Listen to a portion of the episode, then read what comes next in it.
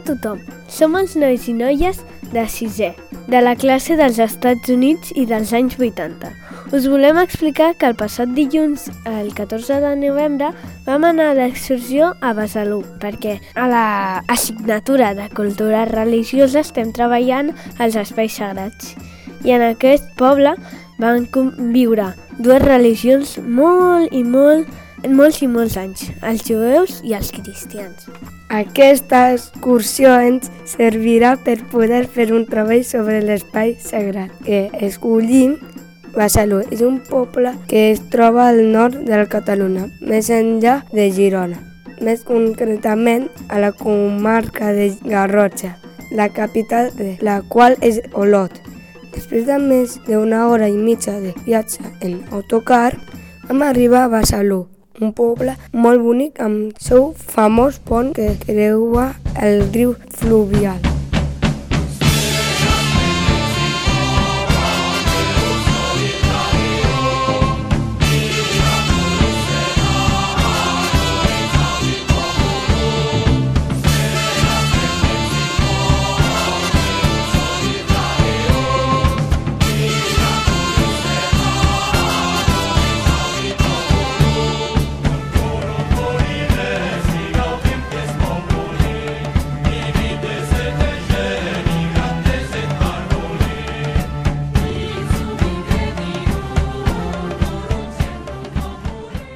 Som l'Elba i el Gerard, com us han dit a les nostres companyes i els companys. A Besalú hi ha un pont romànic molt conegut. El van construir els jueus al voltant del segle XII. El dia de l'excursió, quan estàvem travessant el pont, unes senyores molt amables que ens feien la visita ens van explicar una part de la història del pont.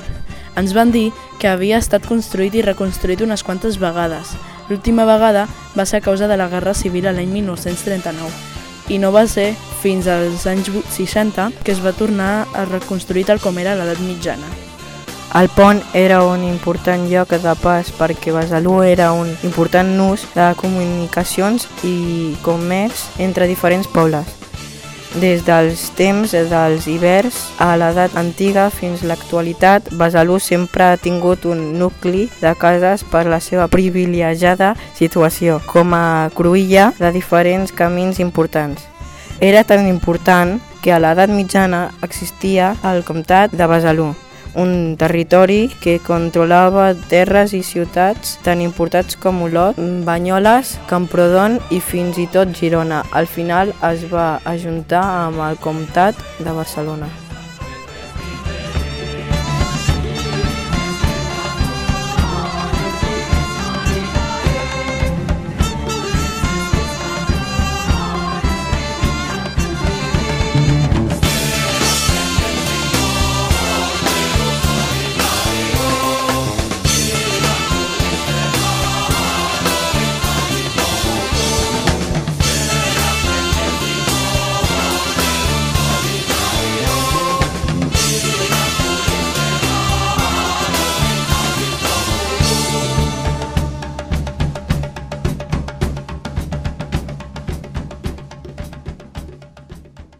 Hola, nosaltres som l'Adam, la Laia, el Josep i la Mariona. I avui us parlarem de l'església de Sant Pere de Besalú.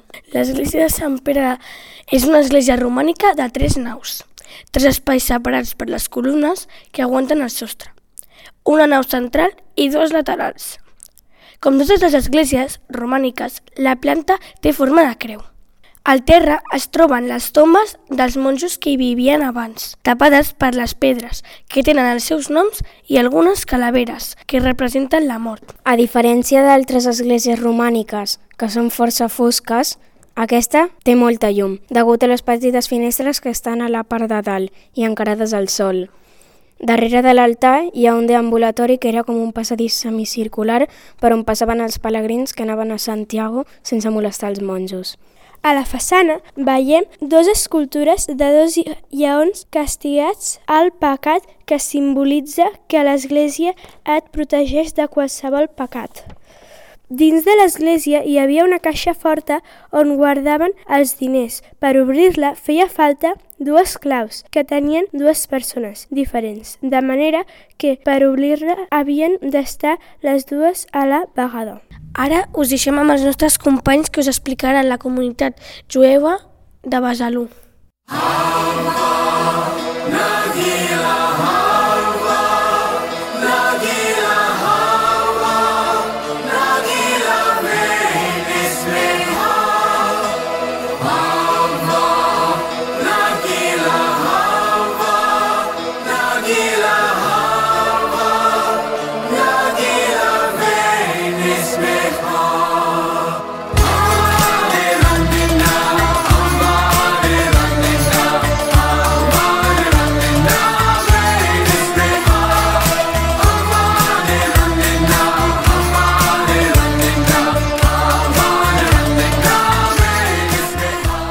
Hola, som el Ité, el Gerard i el Roger. Els nostres companys us acaben de parlar de la part cristiana de Besalú i nosaltres ho farem a la part jueva. A l'edat mitjana els jueus van conviure amb els cristians al poble de Besalú durant molts anys, formant una comunitat jueva força important. Cap al segle XIV, amb l'epidèmia de la pesta, van sorgir molts problemes. Els jueus, a causa dels seus hàbits higiènics i alimentació, no s'encomanaven amb tanta facilitat de la malaltia i els cristians, que no eren tan nets, els van culpabilitzar de la pesta, dient que els estaven enverinant. Com que eren la majoria, van acabar expulsant els jueus de Besalú o els obligaven a canviar de religió. Tot i això, encara mantenen alguns edificis o restaurants d'aquests temples. La sinagoga era un centre on els jueus es trobaven per resar el seu Déu. Era un lloc molt important per ells. Dintre de la sinagoga, els homes no podien veure les, a les dones, però les dones sí que podien veure les dones a través d'uns forats que hi havia a la paret. Allà, quan es reunien, llegien el seu llibre sagrat, que era la Torà. En l'actualitat només queden parts de les parets. El que sí es conservava millor són els banys jueus, un lloc on homes i dones anaven a purificar-se dels seus pecats. I anaven en dies diferents i se submergien tres vegades dins l'aigua que venia directament del riu. Les dones hi anaven quan tenien la menstruació o abans i després de, de tenir fills. Els homes hi anaven els divendres, el dia abans de, de la seva festa més especial, que és el sàbat. I fins aquí la nostra visita a Besalú. Esperem que us hagi agradat. Temps era temps hi havia en un poblet medieval un baró de mala geia que tothom volia mal. Amb carrossa d'or i plata passejava tot supert pel seu terme que moria d'esquifit i famolenc. Xics i grans mig morts de gana li sortien al seu pas demanant-li amb ulls plorosos que tingués d'ells pietat. Però ell somreia i burleta els cridava amb veu de tro. A pencar les abelles necessito molt més or.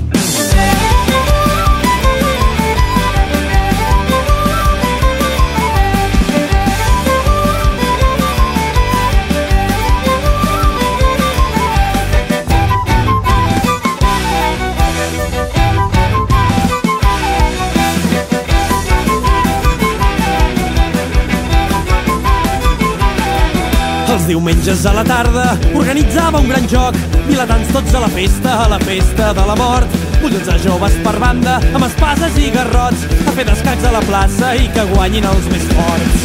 Xics i grans mig morts de pena li sortien al seu pas, demanant-li amb ulls plorosos que tingués d'ells pietat. Però ell somreia i burleta els cridava amb veu de tro. A jugar a tu a l'olla, que a mi m'agrada aquest joc.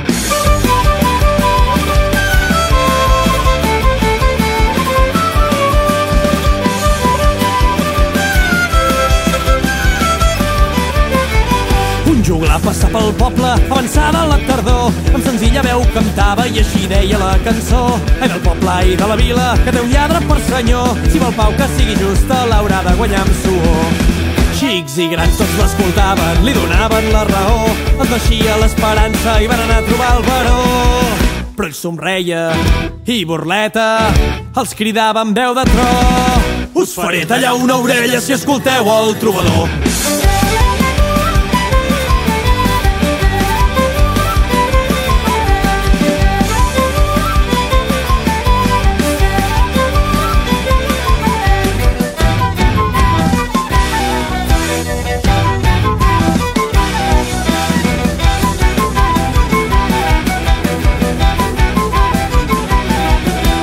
Els vilatans es negaren a pagar més els tributs. A Palau armats anaren i parlaren sense embuts. No volem per però nostra, no volem més tant d'aquí. I si et quedes ai de tu, a la forca has de morir. Xics i grans tots a la una li cantaven la cançó Ai del poble, ai de la vila, que té un lladre per senyor I ell callava i de ràbia se li cursacava el cor mentre el poble repetia la cançó del trobador. Ai del poble, ai de la vila, que té un lladre per senyor. Si vol pau que sigui justa, l'haurà de guanyar amb suor. Ai del poble, ai de la vila, que té un lladre per senyor. Si vol pau que sigui justa, l'haurà de guanyar amb suor. Si vol pau que sigui justa, l'haurà de guanyar amb suor.